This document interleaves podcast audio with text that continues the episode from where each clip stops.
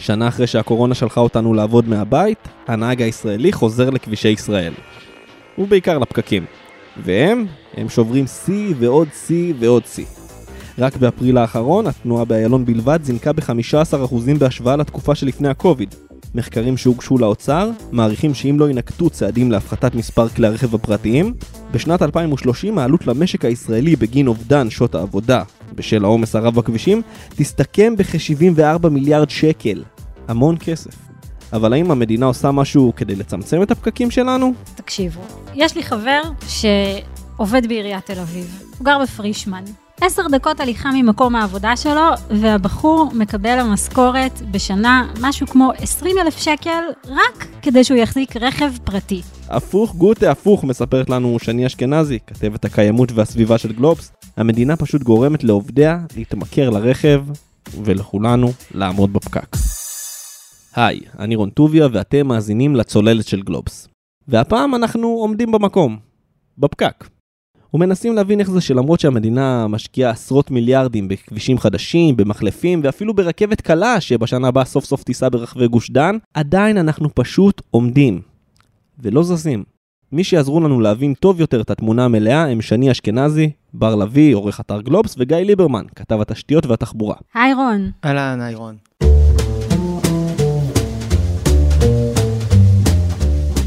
שני, נתחיל איתך. בעצם, בעיית הפקקים הנוכחית מציגה אבסורד שמתנהל בחסות המדינה. בעצם קיים מודל שכר היסטורי במגזר הציבורי שמתמרץ עובדים להחזיק רכבים שהם לא בהכרח צריכים. למודל הזה קוראים החזקת רכב. מה זה בעצם המודל הזה? ולמה בכלל המדינה מחלקת רכבים לעובדים שלה במקום לשמש דוגמה לשאר המשק? זה הולך אחורה, הסיפור הזה. מה שקורה זה דבר כזה. זו פשוט מעין ישראבלוף. פעם, לפני הרבה שנים, רצו להגדיל את השכר של עובדי המדינה, וחיפשו דרך לעשות את זה בלי לשלם את כל מה שנקרא המיסים העוקפים. בלי לשלם לפנסיה של העובד ועוד כל מיני הפרשות.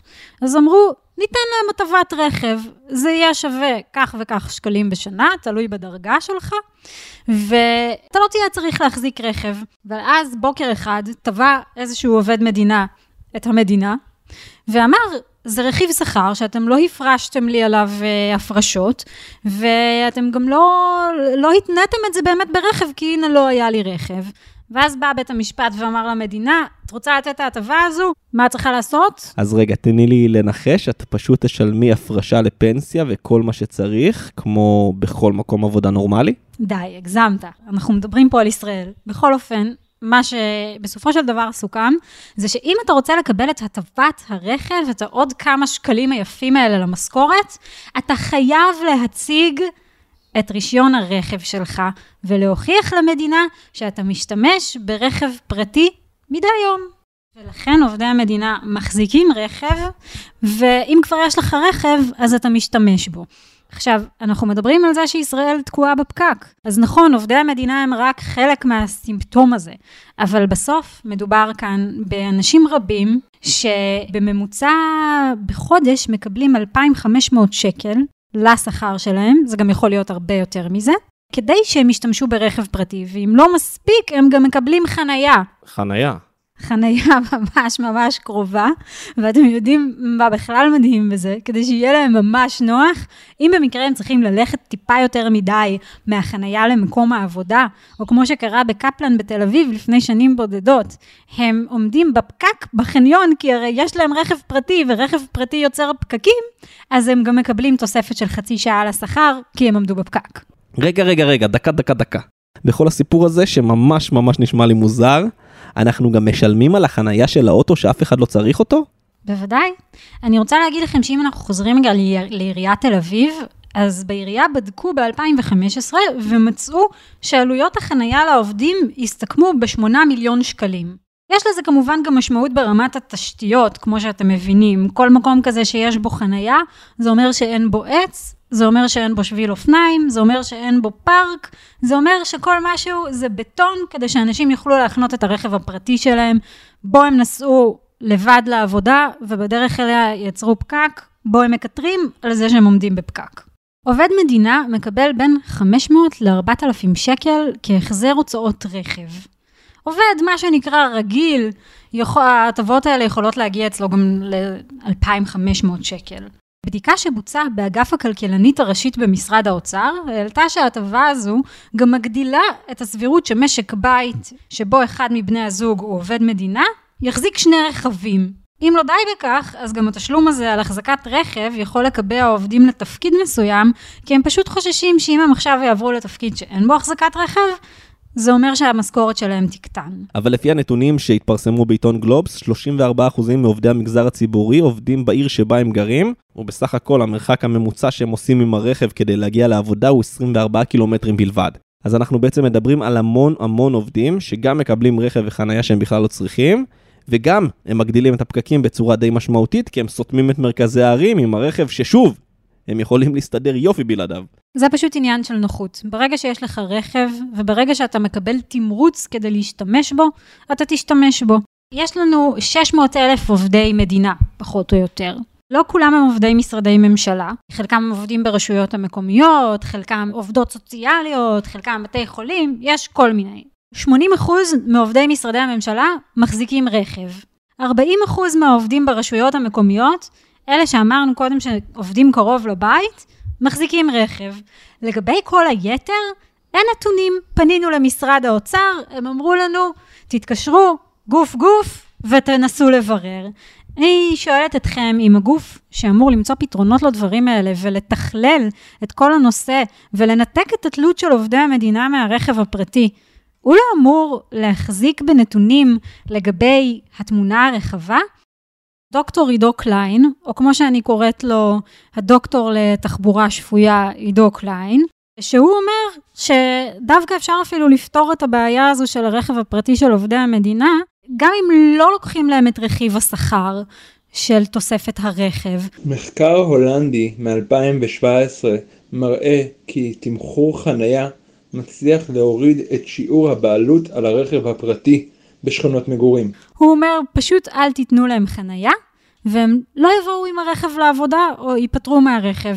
אי אפשר בהכרח אה, לגזור מסקנות הישר מהולנד אלינו. גם הולנד היא מדינה יותר אה, מוטת תחבורה ציבורית, וגם מדובר כאן במחקר שמדבר בעיקר על שכונות מגורים, אבל מבחינת ההיגיון, להפך, אה, אזורי תעסוקה הם יותר אה, משמעותיים מבחינת אה, היכולת שלך לבחור אם לנסוע או לא לנסוע. אם אתה גר במקום כלשהו ומוותר שמה על הרכב, בגלל שתמכרו לך את החנייה, זה, זה הרבה יותר משמעותי, כי בסופו של דבר זה שהרכב נמצא ליד הבית, אה, יש לזה משמעות הרבה יותר רחבה מעבר לנסיעות העבודה, גם לנסיעות לכל דבר אחר. אם ויתרת על הרכב ליד הבית בגלל תמחור חנייה, כנראה גם, גם תוותר על הנסיעה לעבודה בגלל תמחור חנייה. ואולי כשאנחנו שואלים את עצמנו, למה לאורך שנים כל כך רבות ידוע מה הבעיה וגם ידוע מה הפתרון, עדיין בסופו של דבר עובדי המדינה לא מבצעים את הדבר הנכון כדי לנתק את התלות בין השכר לבין החזקת הרכב הפרטי, יכול להיות שכאן נמצאת הסיבה. אבל רגע, שני, היו גם דוחות ומחקרים של בנק ישראל ומשרד האוצר שקראו לסיים עם המודל הזה, ואפילו לפני כמה שנים התקבלה החלטת ממשלה בנושא. אז הייתה החלטת ממשלה.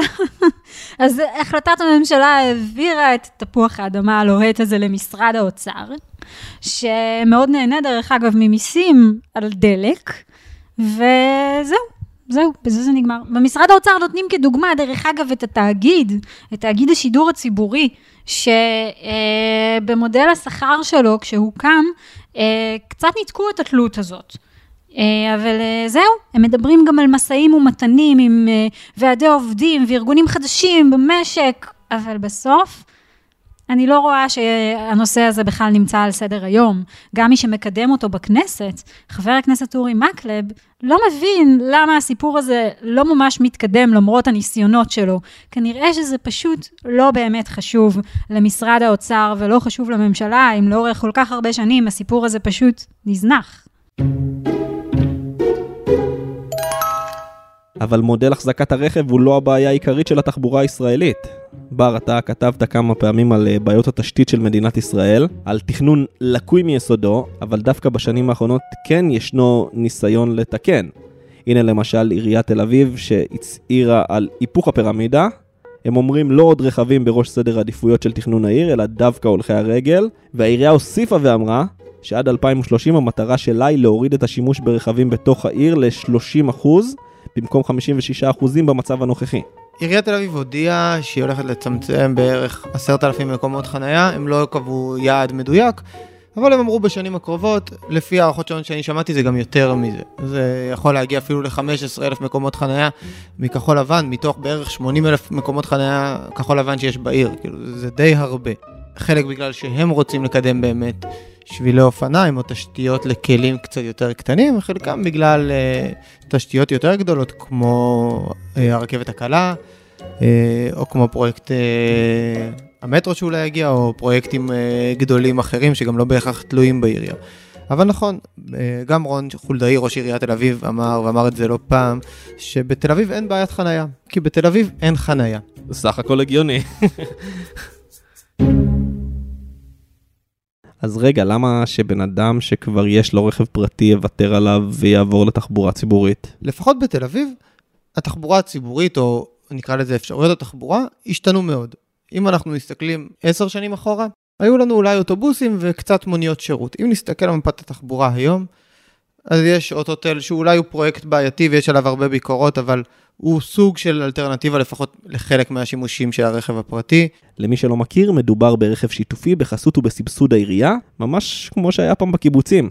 למיזם הזה הוקצו 520 מקומות חניה ברחבי העיר, והיד עוד נטויה כמו שאומרים. ויכול להיות גם שבעתיד הוא יתרחב גם לנסיעות מחוץ לעיר ולא רק לנסיעות בתוך העיר. יש את הקורקינטים, ואת האופניים החשמליים, ואת הטלופן השיתופי, ויש שירות אה, שגם עליו יש לי לא מעט ביקורת, אבל גם אותה נשים כרגע בצד את שירות הבאבל, שזה סוג של מונית שירות חכמה של אה, דן בשיתוף חברת ויה, ויש את מוניות השירות שהשתפרו.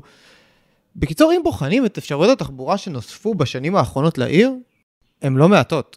הנושא של רכבים פרטיים במרכזי הערים זה אולי הסיפור התחבורתי של השנים הקרובות. גיא ליברמן, כתב התשתיות והתחבורה של גלובס, אתה בעצם אומר לנו שהוכרזה מלחמה על הרכב הפרטי, אבל לא מצד המדינה דווקא. חלוצת התחום בנושא היא כרגיל עיריית תל אביב, שהחליטה כבר לפני כמה חודשים על תקן מהפכני לבנייני מגורים, חצי חנייה לכל פרויקט חדש, זה אומר על כל שתי דירות תהיה רק חנייה אחת במרכז העיר, ובצפון העיר 0.8 תקן חנייה, זה אומר גם כן פחות מחנייה אחת לדירת מגורים. המודל שלנו כרגע אומר בעצם, הכחול לבן הוא חינם לתושבי העיר, תמיד, כל הזמן, אה, והוא עובד על בסיס שיטת הראשון תופס.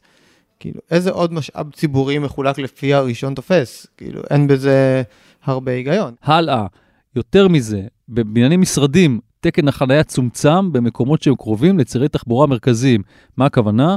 ציר כמו ציר ז'בוטינסקי, שמתחיל בפתח תקווה ומסתיים לו אי שם בפאתי תל אביב, לכל אורכו אמור לעבור יום אחד, אם ירצה השם, אה, רכבת הקלה, הקו האדום, מתוכננת להיפתח בנובמבר 2022. לאור זה שקיים שם נתיב תחבורה כל כך מרכזי, הורידו את תקני החנייה לכל אורך הדרך. זאת אומרת שכל הבניינים החדשים שייבנו על הציר הזה, ויש רבים שמתוכננים להיות כאלה, הם יהיו עם תקן חניה מופחד. זה אומר שאנשים לא יוכלו להגיע עם הרכב הפרטי לשם, כי לא יהיה חניה. אבל רגע, אני לא מבין את ההיגיון. למה שהישראלי הממוצע יוותר על הרכב שלו כי הוא לא מוצא חניה? כאילו, לי דווקא נראה שאנשים לא ששים לוותר על הרכב שלהם, אלא שבפועל מד העצבים רק יעלה. אני לא בטוח שיש לי את התשובה המדויקת, וכל אחד יעשה את הבחירה שלו אם לרכוש רכב או לא לרכוש רכב, אבל בסופו של דבר, המרחב הציבורי הוא המרחב הציבורי. וחנייה ציבורית זה אחד השימושים שאפשר להקדיש לו, אבל היא ממש לא השימוש היחיד. אפשר להקדיש אותו לשבילי אופניים, לפארקים, למזרקות, למתנסים, להרבה הרבה מאוד שימושים. והאם נכון להפקיע קילומטרים על קילומטרים על קילומטרים מהמרחב הציבורי לטובת חניות? אני לא בטוח, אני לא רואה סיבה שמישהו שאין לו רכב צריך לסבסד את מי שיש לו רכב. אני חושב שמה שהם עושים היום זה לצמצם את מקומות החניה, זה דבר נכון לעשות. הבעיה היא שלא נותנים לנו פתרון מהצד השני, לא נותנים לנו פתרון של תחבורה ציבורית ראויה. זה הבעיה העיקרית. זאת אומרת, אתה לא יכול לקצץ לי את האפשרות להשתמש ברכב פרטי, ומצד שני, לא לתת לי חלופה מיטבית וטובה. זה הבעיה הכי גדולה. תירגע, ליברמן, אנחנו חיים בישראל, למה אתה מסתכל על השלילי? תראה איזו מדינה נהדרת ומיוחדת יש לנו. תראה לי עוד מדינה שיש בה אוויר הרים צלול כיין, ים כחול, שווארמה, פלאפל, שבת. אה, אה, שבת, זאת בעיה שאנחנו נוטים לשכוח כשאנחנו מדברים על הפקקים. ההתעלמות הזאת מהשבת, שזה זה אחת מהרעות החולות הכי גדולות. מה קורה בשבת? נגיד ויש לי תחבורה ציבורית מעולה, הגענו למצב כזה שיש לנו תחבורה ציבורית מעולה, כל ימי השבוע אני מסתמך רק על תחבורה ציבורית, הכל מצוין. ואז מגיע לסוף שבוע, בסוף שבוע אין, השלטר יורד, אין לי יותר תחבורה, אין לי איך להגיע, ואז אני חייב שוב פעם להסתמך על רכב פרטי. אז מה, אני אחזיק רכב פרטי רק בשביל היומיים האלה של בין יום שישי לבין יום שבת? זה הרי לא הגיוני בכלל הדבר הזה. וזה אחד הדברים, היה לנו עכשיו מערכות, מערכת בחירות אה, אה, רביעית, אנחנו כנראה לקראת מערכת בחירות נוספת. זה אחד מהדברים שאני מצפה מנבחרי הציבור שלנו לדבר עליו. זה דבר שהוא קריטי לחיים שלנו, זה לא איזה בעיה כזאת קטנה, זה בעיה מאוד מאוד רצינית, ואין מה לעשות. אני רוצה שתהיה לי תחבורה ציבורית בשבת, מה לעשות? אם כבר מדברים על זה, בואו נסתכל לחיפה. למה בחיפה יש תחבורה ציבורית בשבת? למה שם זה אפשרי? למה בתל אביב זה לא אפשרי? אני, אני, אני גם תושב מדינת ישראל, למה לא מגיע לי תחבורה ציבורית בשבת? אגב, אני מחזיק רכב כמעט רק בשביל הדבר הזה. אני חייבת לומר שזה אחד הדברים שהכי מרגיז אותי לשמוע. כי זה פשוט נשמע לי כמו תירוץ. אתה רוצה להחזיק רכב כדי להשתמש בו בשבת? אין בעיה, אז תשתמש בו בשבת. זה לא, לא מצדיק את זה שאתה משתמש בו בכל יתר השבוע. זה שאנשים אומרים, אני צריך להשתמש ברכב בשבת ולכן אני מחזיק רכב, אם הם היו משתמשים בו רק בשבת, הכבישים לא היו נראים כמו שהם נראים באמצע השבוע. אבל זה לא המצב, הם מחזיקים רכב כי נוח להם לנסוע אדם אחד ברכב מהעבודה לבית, ולפקידי המדינה נוח לראות את כל החיים מתוך תא הנהג, ולא לתכנן את המדינה הזו כמו שצריך, כדי שיהיה יותר נוח גם לזנוח את הרכב הפרטי. איכשהו, תמיד, הולכי הרגל, נושאי התחבורה הציבורית, נדחקים לתחתית סדר העדיפויות, והסיבה זה כל הדברים האלה. אני חושב שאם נסתכל על מארג הפתרונות שיש היום, אז אנחנו בעצם רואים שחלק גדול מהפתרונות, אולי זה בסבסוד של המדינה חלקם, אבל בסוף הם פתרונות שמציע השוק הפרטי. בין אם זה הכלים השיתופיים, בין אם זה באבל, בין אם זה אפילו מוניות השירות. אני חושב שככל שיהיה באמת ביקוש לאיזשהו שירות שעובד רק בשבת, ואגב, יש את הנעים בסופה שמפעילה עיריית תל אביב וכמה רשויות בגוש דן, שבהתחלה הוא הלך מאוד טוב והמספרים שלו קצת ירדו בחודשים האחרונים מאז הקורונה.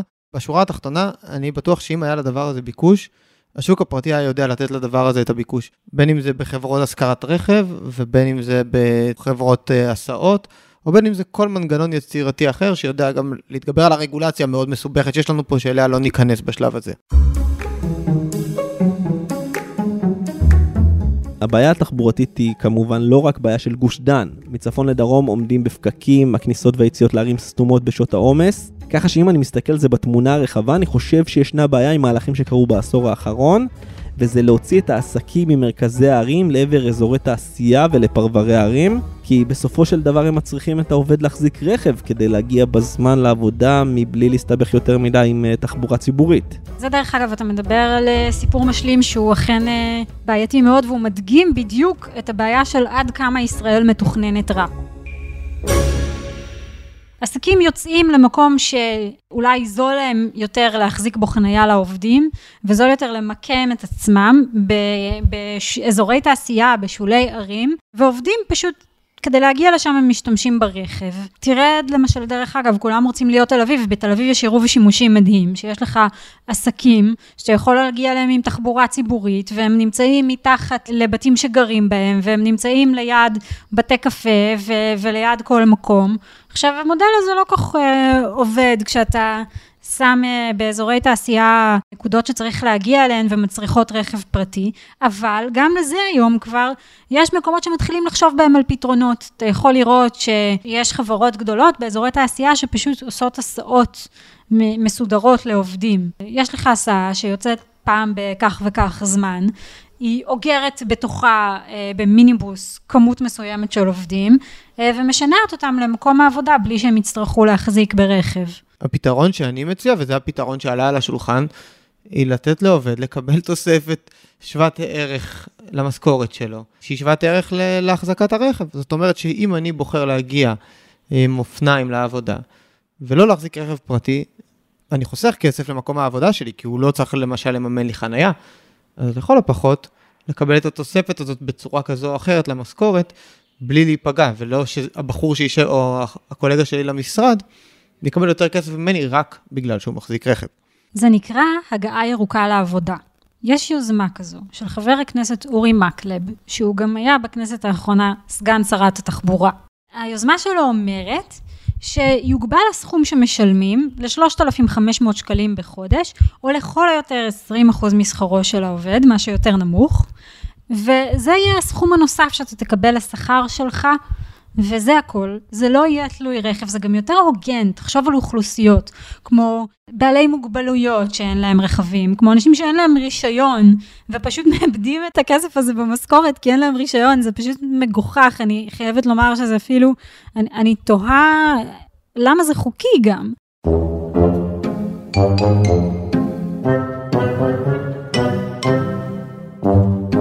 אולי כבר הספקנו לשכוח, אבל בשנה האחרונה תקפה אותנו מגפה עולמית, כך שהמגמה לצמצם את הרכבים על הכביש, שהתחילה בשנים האחרונות, עשתה איזה סוג של U-turn.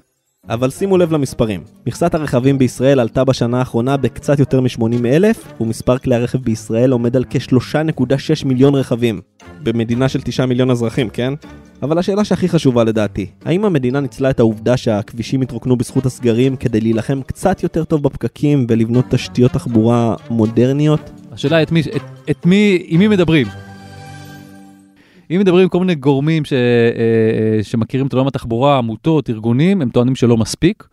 מצד שני, החברות הממשלתיות, נתיבי איילון, נתיבי ישראל, טוענים שהם ניצלו את השנה האחרונה בצורה מאוד מאוד טובה. בנתיבי איילון למשל אה, מספרים על מקטעים שלמים שהם עבדו עליהם במשך שלושה שבועות, שזה חסך ארבעה או חמישה חודשים בהתאם לתוכנית הראשונית, אם זה בלגרדיה, אם זה במקומות אחרים. פרויקט של הנתיבים המהירים על איילון, פרויקט שאמור להימשך כמה שנים ולהסתיים ב-2026, זה נתיבים שבעצם יחליפו את השול השמאלי שעליו היום uh, נמצאים בעיקר רוכבי אופנוע, זה יהפכו להיות נתיבים של תחבורה ציבורית, אוטובוסים, שאטלים וקרפולים, וגם שם הם עשו עבודה שמאוד מאוד מקדמת את הלוז, אבל זה עדיין לא מספיק, זאת אומרת, אנחנו לא רואים את זה היום, אנחנו נראה את זה עוד כמה שנים, ככה שקשה לנו לבוא ולהגיד, וואלה, קידמתם אותנו, זה די על הנייר.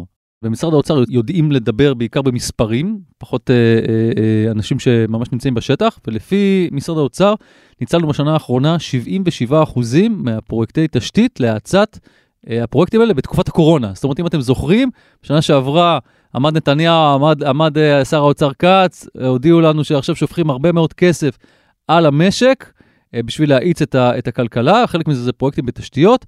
רק 77% מהפרויקטים האלה אכן נוצלו. באמת לפני הקורונה ראינו כל מיני מיזמים, בין אם זה של uh, Waze, Movit, עוד פעם אני חוזר לשוק הפרטי, של נסיעות משותפות לעבודה. Uh, למשל, גם פה יש רגולציה שהיא נורא נורא נורא בעייתית, זה לא בגלל הפחד מהובר או, או מכל מיני דברים אחרים שאני לא אכנס אליהם כרגע, יש רגולציה מאוד קשה לדבר הזה, ועדיין בתוך סבך הרגולציה הזה הושקו כל מיני שירותים שבאמת uh, קודמו ואפילו אומצו חלקן על ידי משרדי הממשלה, וזה באמת טיפה, לתחושתי, דעך אה, בשנה האחרונה, כמו גם השימוש בתחבורה הציבורית שלצערנו דעך, אם בודקים את שירות, אה, לפי נתונים של גוגל, יש ירידה בערך של 30 או 40 אחוז בתנועה בתחנות אוטובוס ותחנות מרכזיות. בתחושה שלי, הלכנו עשר שנים אחורה, בכל העולם הזה של נסיעות שיתופיות ובכלל במוכנות של אנשים, לעלות לאוטובוס או לעלות על אוטו של מישהו אחר, אלא ברגע שעלית על הרכב הפרטי, הרכב הפרטי נהיה הבית שלך, נהיה המחסן שלך, כבר, אחרי שכבר יש לך את המפתחות ביד, בתחושה שלי, הרבה יותר קשה להיפרד מהן. אני חושב שזה נכון, אבל זה, זה נראה לי זמני. זאת אומרת, ברגע שאנחנו נרגיש בטוחים מספיק להתקרב שוב פעם לאנשים, ושהמחלה מאחורינו, זאת אומרת, החיסונים עובדים והכול עובד, אני חושב שאנחנו נראה את זה בחזרה, כי זה כלי כן נכון, הקרפול הוא כלי נכון, התחבורה הציבורית הם כלים נכונים, הבעיה, עוד פעם, שהם לא מספיק, אין לי ודאות. אין לי שום ודאות. אני עכשיו הולך לתחנת אוטובוס, אין לי מושג מתי האוטובוס יגיע, אין לי מושג כמה זמן זה ייקח, לי, ואני לא יודע אפילו אם האוטובוס השני שאני צריך להחליף באיזשהו מקום יגיע גם כן. זה יכול להיות נסיעה שעכשיו עם, עם רכב פרטי לוקח לי חצי שעה, באוטובוס לפעמים זה שעה וחצי, וזה כל ההבדל.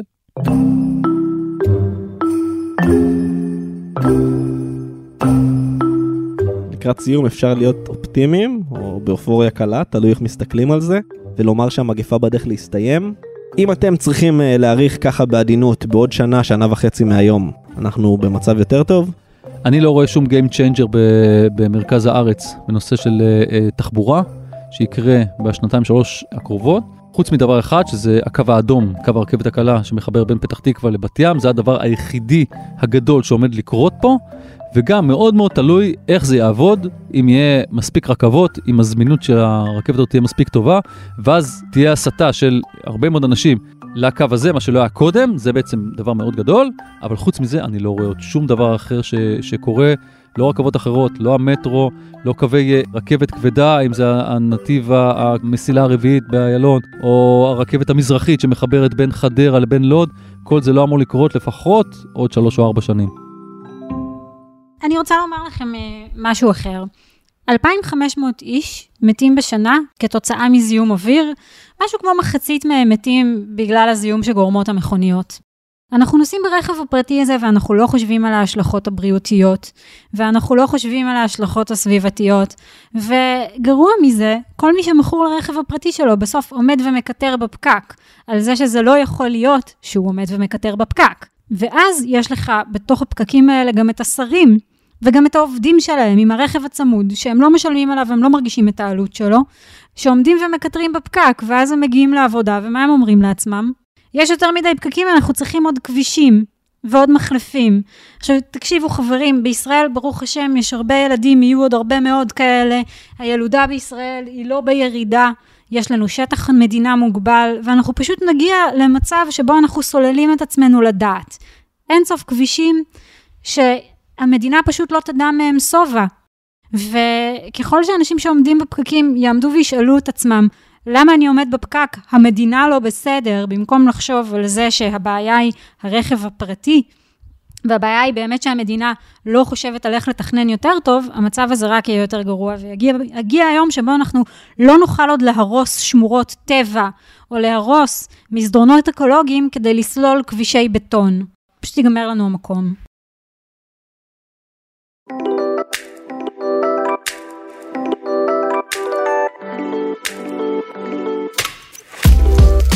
עד כאן עוד פרק של הצוללת. כדי להזין לפרקים נוספים, עקבו אחרינו באתר גלובס, בספוטיפיי, או איפה שאתם שומעים פודקאסטים. נשמח מאוד אם תדרגו אותנו באפל פודקאסט ותשלחו את הפרק לחבר שתקוע בפקק, שיעביר את הזמן בנעימים, עם הצוללת. אורי פסובסקי והילה וייסברג, גם הם חברים בצוות הצוללת. תודה רבה לשני אשכנזי, בר לביא וגיא ליברמן. מוזמנים ומוזמנות להאזין לגיא גם בפודקאסט השקעות הנדל"ן של גלובס, כסף בקיר. אחלה פודקאסט. תודה לך רון טוביה. סעו בזהירות. יאללה ביי. נתראה בפקק. חייב לתת uh, רק uh, גילוי נאות uh, לסוף. אני מחזיק רכב פרטי ונוסע איתו כל יום לעבודה. למה? כי הרכב הוא הפך להיות סוג של הבית שלי, המחסן שלי, המשרד שלי, והתמכרתי לרכב.